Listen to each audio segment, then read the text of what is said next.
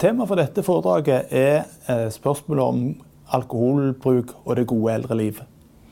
Eh, og hvis vi skal snakke om eldre, så må vi jo først og fremst være nøye på hvem vi mener. Eh, og det er jo sånn at Denne gruppa av eldre det er en gruppe som i dag består av minst to generasjoner. De er ofte Vi tenker at det er fra 60 pluss. Og når gjennomsnittsalderen er langt over 80, så betyr jo det at vi i realiteten har en gruppe som består av to generasjoner, aldersspenn. Eh, dette er ganske viktig eh, i forhold til vårt tema, fordi alkoholbruk er jo en vane som etablerer i tidlig, tidlig i livet, rundt eh, slutten av tenåringene. Og de som nå er 80 pluss, de har etablert sine alkoholvaner når, rett etter andre verdenskrig.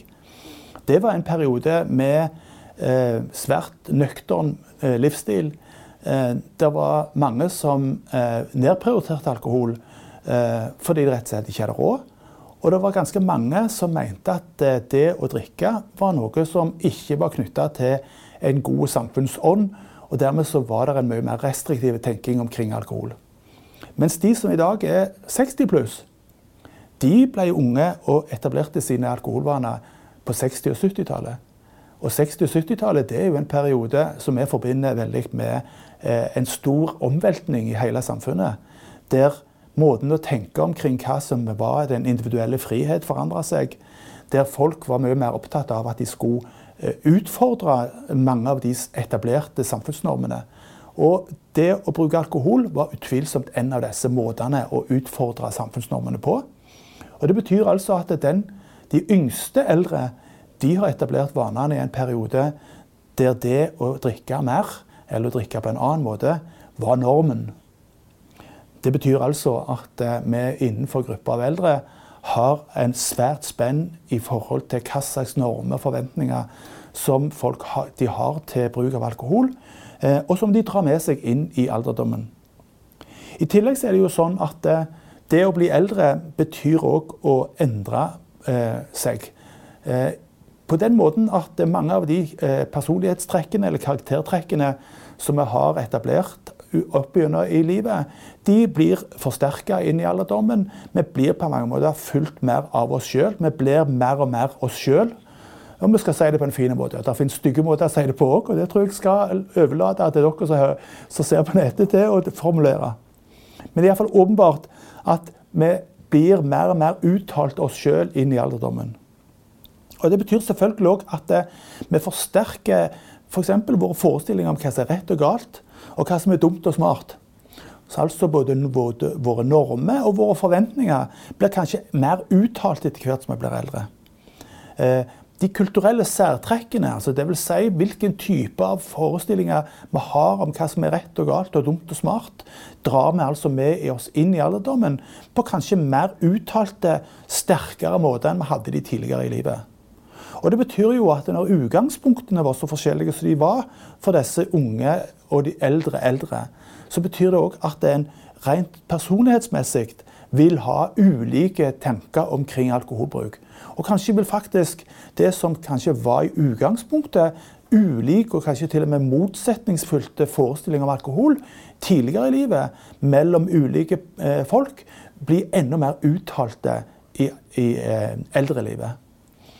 Eh, så konklusjonen på akkurat dette er jo at grupper av eldre, ikke minst når det gjelder bruk av alkohol, eh, oppviser en langt større variasjon enn det vi vil finne innenfor enhver annen eh, aldersgruppe.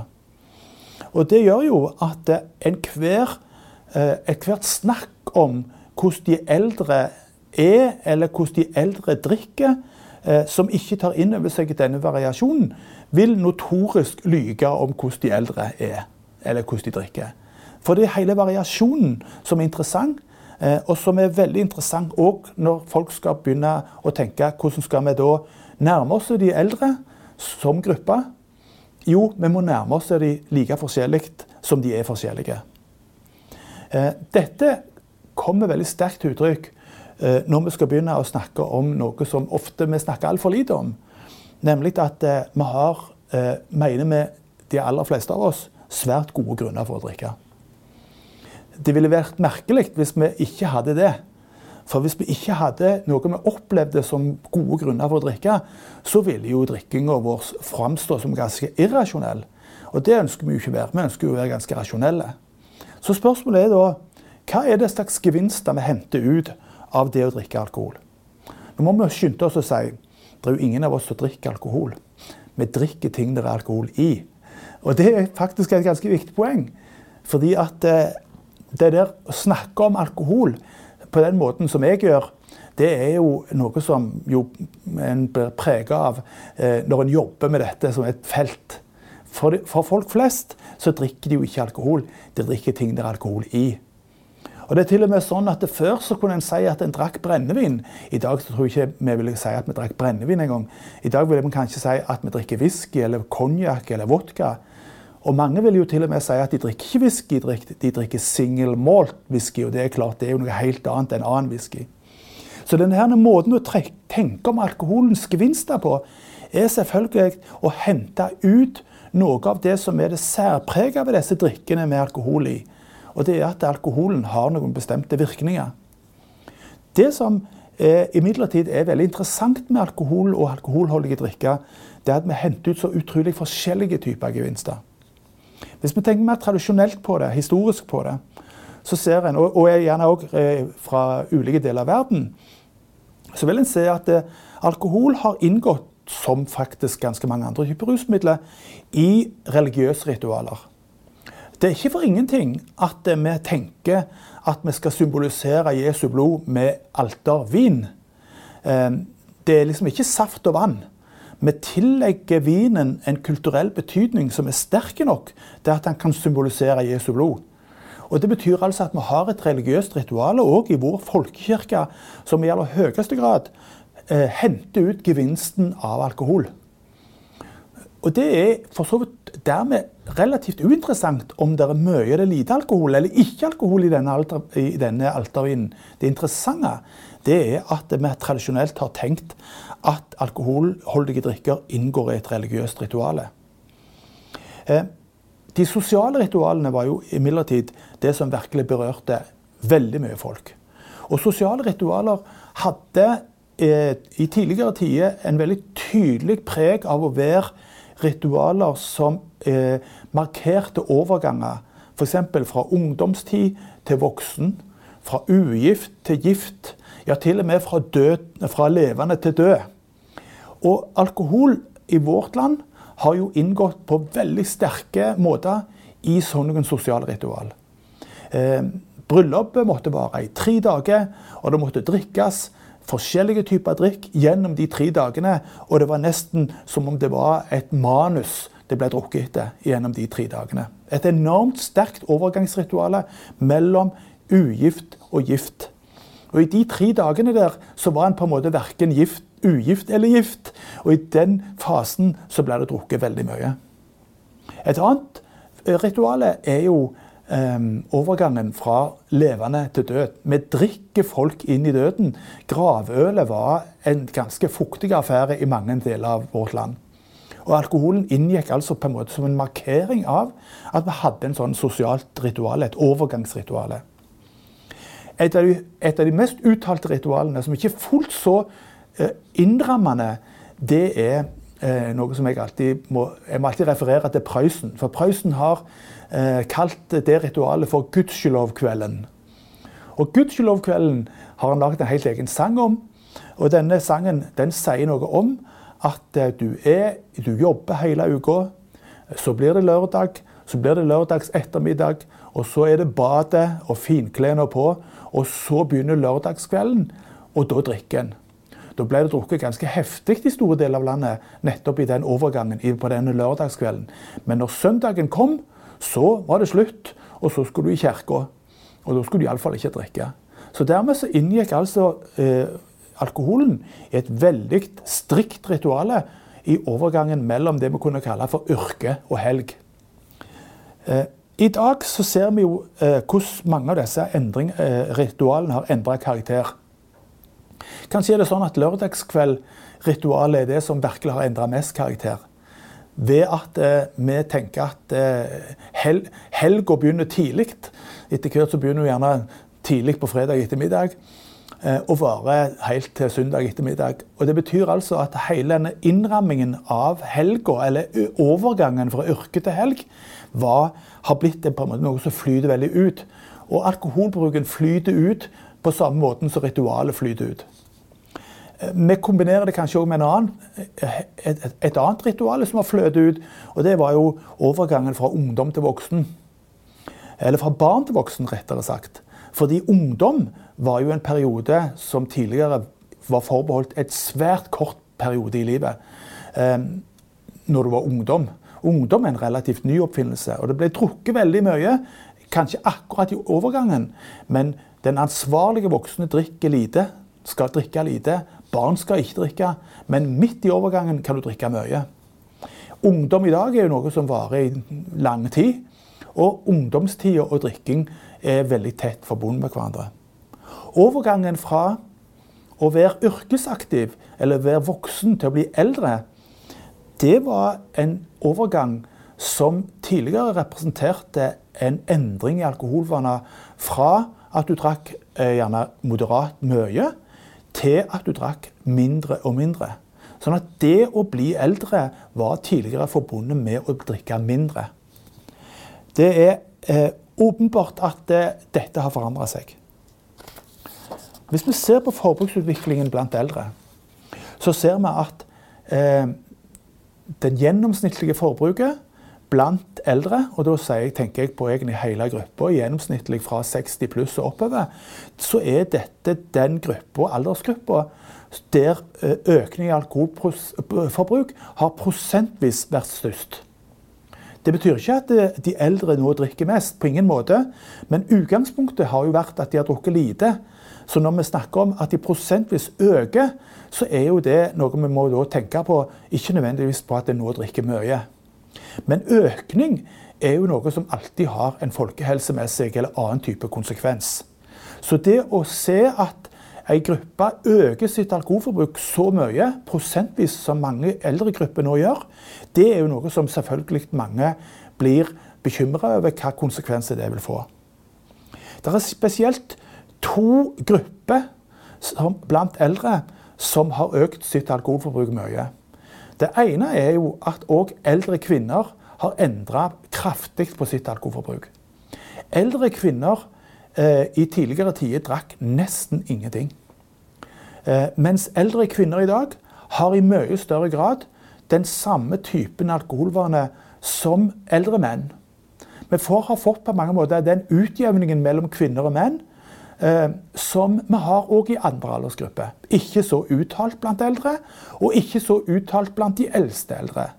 Men i dag så vil vi ikke stusse over at et eldre par at de har veldig ulike vaner. Selv om nok vil se at mennene i gjennomsnitt drikker klart mer enn kvinnene, så er holdningene til kvinn, eldre kvinners drikking forandra seg radikalt. Eh, den andre gruppa som, har, som, kan forklare noe av den store endringen i alkoholforbruk blant eldre, det er de unge eldre.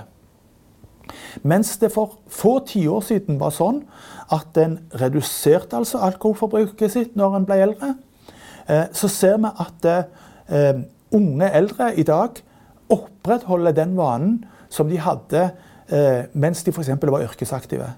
Sånn at de drikker på et, sånn I snitt så drikker en på et visst nivå når en er 50-60, og en reduserer ikke når en blir 60 pluss, 70 pluss. Og når en ikke reduserer, sånn som en gjorde før, så er det klart at da vil gjennomsnittsforbruket i den aldersgruppa gå kraftig opp. Dette er, tror jeg er, vi bare ser begynnelsen av.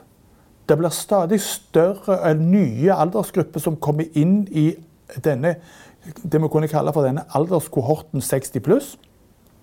Og Det betyr altså at det, vi får stadig større andeler av de eldre som, med, som tar med seg alkoholvaner fra tidligere i livet uten å endre de spesielt. I tillegg så ser vi at vi har selvfølgelig de som fremdeles eh, er, er grupper som reduserer alkoholforbruket sitt. Eh, noe av det eh, kan vi veldig nært knytte rett og slett til at en får litt dårligere råd. En har litt mindre penger å rutte med. Så de som har mindre penger å rutte med når de blir eldre, de, de, de vil eh, ha en tendens til å redusere alkoholforbruket sitt. Det har alltid vært sånn at alkoholbruk har vært nært forbundet med endringer i kjøpekraft. Og Hvis kjøpekraften går ned når du blir eldre, så er det en tendens til at du reduserer alkoholforbruket ditt. Men det gjelder jo ikke så veldig mange eldre. De aller fleste eldre i dag vil jo ikke ha en sterk opplevelse av at kjøpekraften deres blir mindre med åra. For noen er det til og med sånn at den øker. Og for noen grupper av eldre så vil endringer i livssituasjonen føre til at de øker alkoholforbruket sitt når de blir pensjonister. Det skal jeg for øvrig komme litt tilbake til. Da har vi snakket om både gevinstene som alkoholen har, og jeg har snakket om hva slags forbruksutvikling vi ser. De to tingene til sammen gjør jo at vi selvfølgelig nå må tenke omkring denne store variasjonen blant eldre som en utfordring i den forstand at all alkoholbruk har en eller annen type risiko knytta til seg. Nå i den siste gjennomgangen av hvilken, hva slags risiko som er knytta til alkoholbruk, som nylig ble publisert i det anerkjente tidsskriftet Lancet, så ble det en gang for alle eh, klart tilbakevist at det skulle være sånn at noen, noe forbruksnivå, altså det å drikke lite eller, eller lite eh, og jevnt, at det skulle ha en helsegevinst, det er grundig tilbakevist. Det er ikke lenger sånn at vi har noen dokumentasjon på at det er noen form for alkoholbruk som gir helsegevinster. Det gir mange andre gevinster, som vi har vært inne på, men ikke helsegevinster. Nå kan mange si kanskje at hvis du får en opplevelse av at du har det bedre, eller at det er en større glede eller fellesskap, så skal jammen det kunne sies å virke inn på den psykiske helsa. I så måte så gjør, har, har alkohol en helsegevinst, men altså ikke en direkte helsegevinst. Og iallfall ikke en somatisk helsegevinst, altså en innvirkning, positiv innvirkning på den fysiske helsa. Så hva er disse, eh, denne risikoen knytta til alkoholbruk? Jo, det er med, det, med alkoholbruk som alle mulige andre typer av risikofylte aktiviteter vi holder på med. Og det er at det er en gjennomgående sammenheng mellom forbruk og eh, risiko. Eh, ikke nødvendigvis sånn at all risiko er knytta til den gjennomsnittlige forbruket, f.eks. For hvor mye du drikker i gjennomsnitt per uke, selv om det òg har stor betydning. Men i det norsk, spesielt i den norske og nordiske sammenheng så ser en at mønsteret, altså måten en drikker på, har en større innflytelse på de negative konsekvensene enn mengden en drikker. Det har òg betydd at norske helsemyndigheter har vært tilbakeholdne med å, å eh, gi anbefalinger om eh, en viss grenseverdi. Si at eh, det anbefales ikke å drikke mer enn så og så mye per uke. I mange andre land i Europa så opererer en med den type av grenser.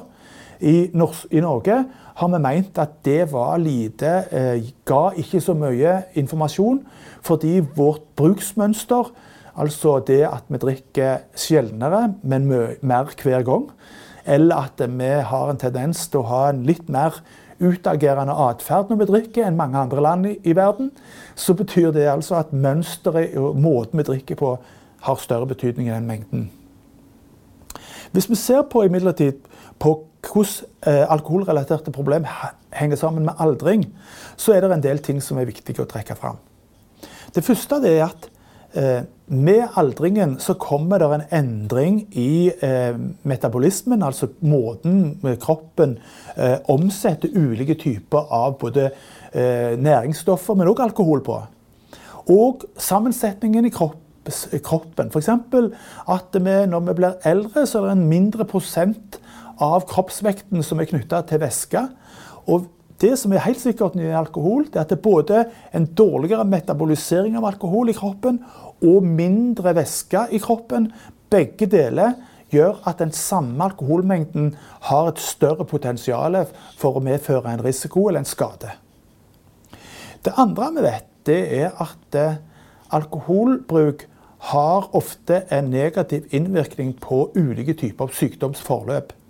Det vil si at det, vi må skille mellom i hvilken grad alkohol har en, med, en medvirkende årsak til at du får en lidelse, og i hvilken grad det er sånn at alkoholbruk virker inn på hvordan forløpet videre skal gå. Altså f.eks. hva er din sannsynligheten for at du blir helbredet av denne sykdommen, eller at den sykdommen utvikler seg på en dårligere måte hvis du drikker mye. Og det vet vi at eh, svært mange typer av eh, somatiske og psykiske lidelser har et dårligere forløp hvis du har et høy, høyt alkoholforbruk. Eh, og det betyr på ingen måte at du dermed har et alkoholproblem, men du har i aller høyeste grad et alkoholrelatert problem. Det, det tredje området som er viktig å trekke fram, det er jo at alkohol svært sjelden har en positiv interaksjonseffekt med legemidler. Faktisk er det sånn at det nesten alle legemidler bør en tenke gjennom spørsmålet hvordan, hvordan virker disse sammen med alkohol. Eh, vi har ofte tenkt at det for primært skulle dreie seg om sånne veldig spesielle ting som antibiotika. Men det er nok mye viktigere å tenke på mange andre typer legemidler vi bruker ofte. Og ikke minst gjelder det andre legemidler med et såkalt vanedannende potensial. Eh, det kan gjelde smertestillende midler, sovemidler og beroligende midler. Ikke minst disse, disse legemidlene vil kunne eh, ha åpenbart en sterk eh, interaksjonseffekt med alkohol. Dvs. Si altså at de kan gi en type effekt som er enten veldig mye sterkere eller veldig mye dårligere. Eventuelt at de fører til veldig paradoksale virkninger. Så interaksjon med legemidler er et svært viktig tema når det gjelder eldre og alkoholbruk. Et fjerde område som eh, jeg tror vi ikke kan eh, understreke sterkt nok, og det er at eh, vi vet at det er ett område som påvirker flest eldres helsemessige utvikling og livskvalitet utvikling mer enn noe annet. Og det er fall. Noe så enkelt som fall. For fallene fører både til direkte skade, og det er klart at jeg, trenger ikke forklare mye om at alkoholbruk har innvirkning på balansen. Det er noe alle har erfaring med. Og Det betyr selvfølgelig at eh, alkohol en, ofte en, ofte, kan ofte være en medvirkende årsak til fall. Og Spesielt hvis du i tillegg har kombinert det med legemidler. Det som imidlertid kommer på toppen, det er jo det at det, redselen for nye fall er nettopp noe av det som fratar mange eldre deres livskvalitet. Og Hvis alkohol kommer sammen med redselen for fall, så er det klart at alle kan se for seg at dette er noe som kan være en ganske negativ konsekvens av alkoholbruken. Det siste området å trekke fram er hele det store området som dreier seg om de sosiale konsekvensene av alkoholbruk. Og Her kan vi tenke på veldig mange områder. Vi kan tenke på eldre som har alkoholvaner som ikke lar seg forene med det å være eh, sammen med barnebarn og oldebarn. Jeg tror det er faktisk ganske mange eldre eh, som plutselig får en, seg en vekker med at foreldrene til disse barnebarna spør seg syns vi det er greit at, eh, at besteforeldrene passer disse, disse barnebarna eh, hvis de skal drikke mens de gjør det. Det er en, det er en vanskelig tema å snakke om, og, eh, men åpenbart viktig. Vi kan tenke på eh, et par der den ene begynner å få en veldig problematisk alkoholbruk, iallfall i den andres øyne. Og Da er det ikke nødvendigvis sånn at eh, en kan liksom gjøre og si at hvem har rett og hvem har feil. For Hvis noen skal bo tett på hverandre, så må begge parter oppleve at alkoholbruken til den andre er OK. Og hvis du ikke opplever den som OK, så er den ikke OK for den det gjelder. Mange ganger så ser vi jo nettopp at reaksjonen på, på eldres alkoholbruk kommer fra nærstående andre. Som nettopp sier at ja, sjøl vil han eller hun ikke tenke at det er noe problematisk med denne alkoholbruken, men jeg opplever det som problematisk. Og Sosiale konsekvenser er ikke bare et spørsmål om hvordan du direkte opplever det å være sammen med noen som bruker alkohol på måter du ikke syns noe om. Men i tillegg så kommer noe som ofte hopper over.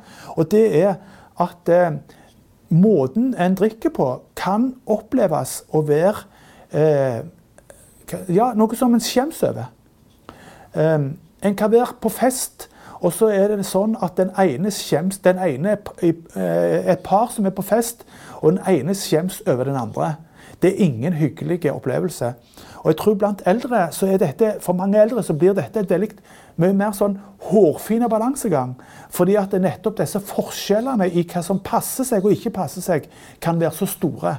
Enten det er mellom kvinner og menn, eller det kan være mellom yngre eldre og eldre eldre, eller når eldre fra ulike kulturelle og sosiale miljø treffes i ulike sammenhenger, og så plutselig så opplever de at de tenker veldig ulikt om hva som passer seg og ikke passer seg.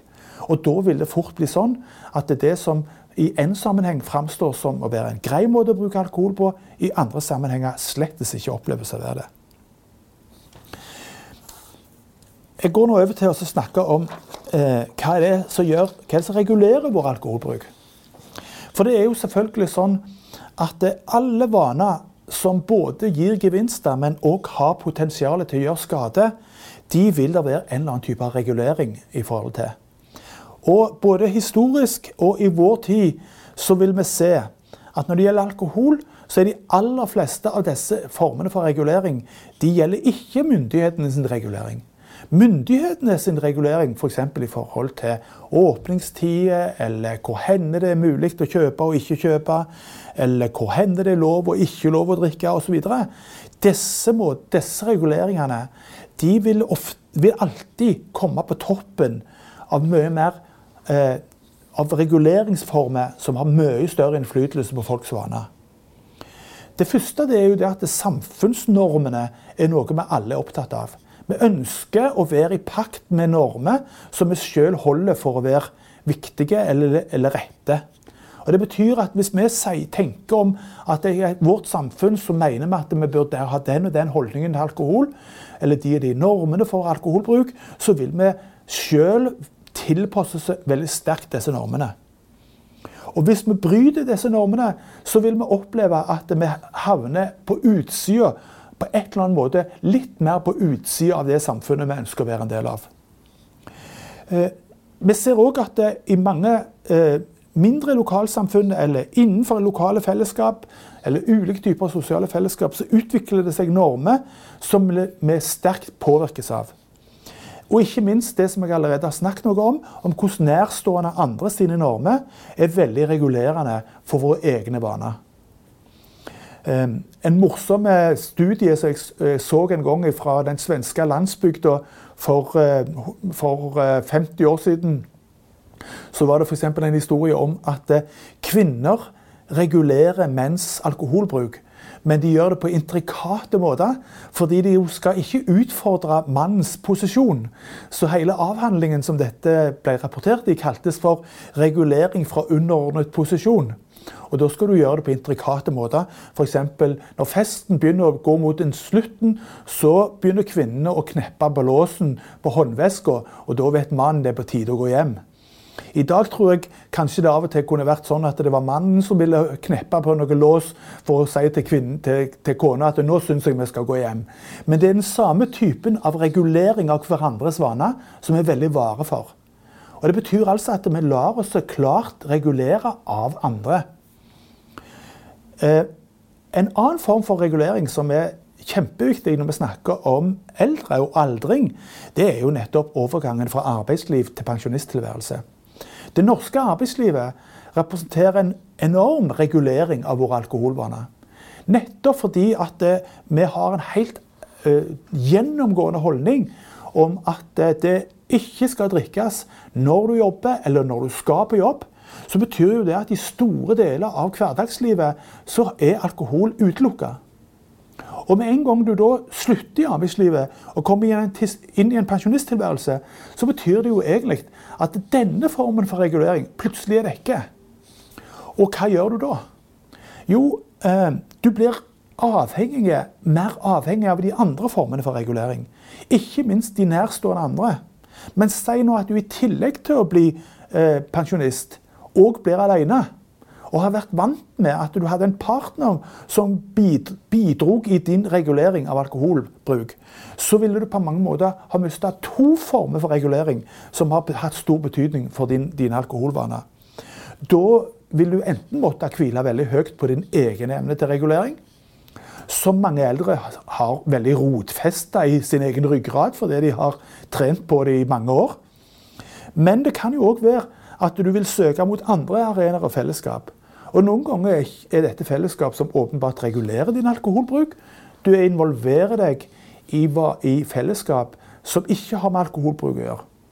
Men det kan òg være at du nettopp kommer inn i typer av fellesskap som i aller høyeste grad har med alkoholbruk å gjøre. F.eks.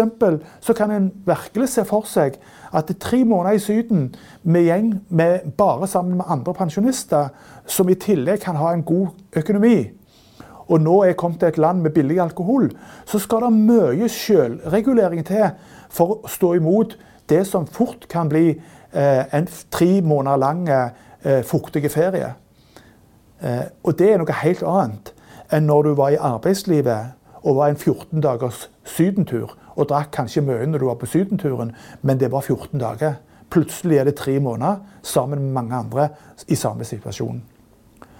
Disse formene for regulering er noe av det som gjør at det å komme inn i en pensjonisttilværelse for mange representerer en stor overgang i hvordan du skal regulere din alkoholbruk. Og jeg tror at For mange eldre så blir det en nyorientering i forhold til alkohol. Når samfunnets norm var at du er nå blitt gammel og pensjonist, så nå skal du drikke mindre, så var det det du gjorde.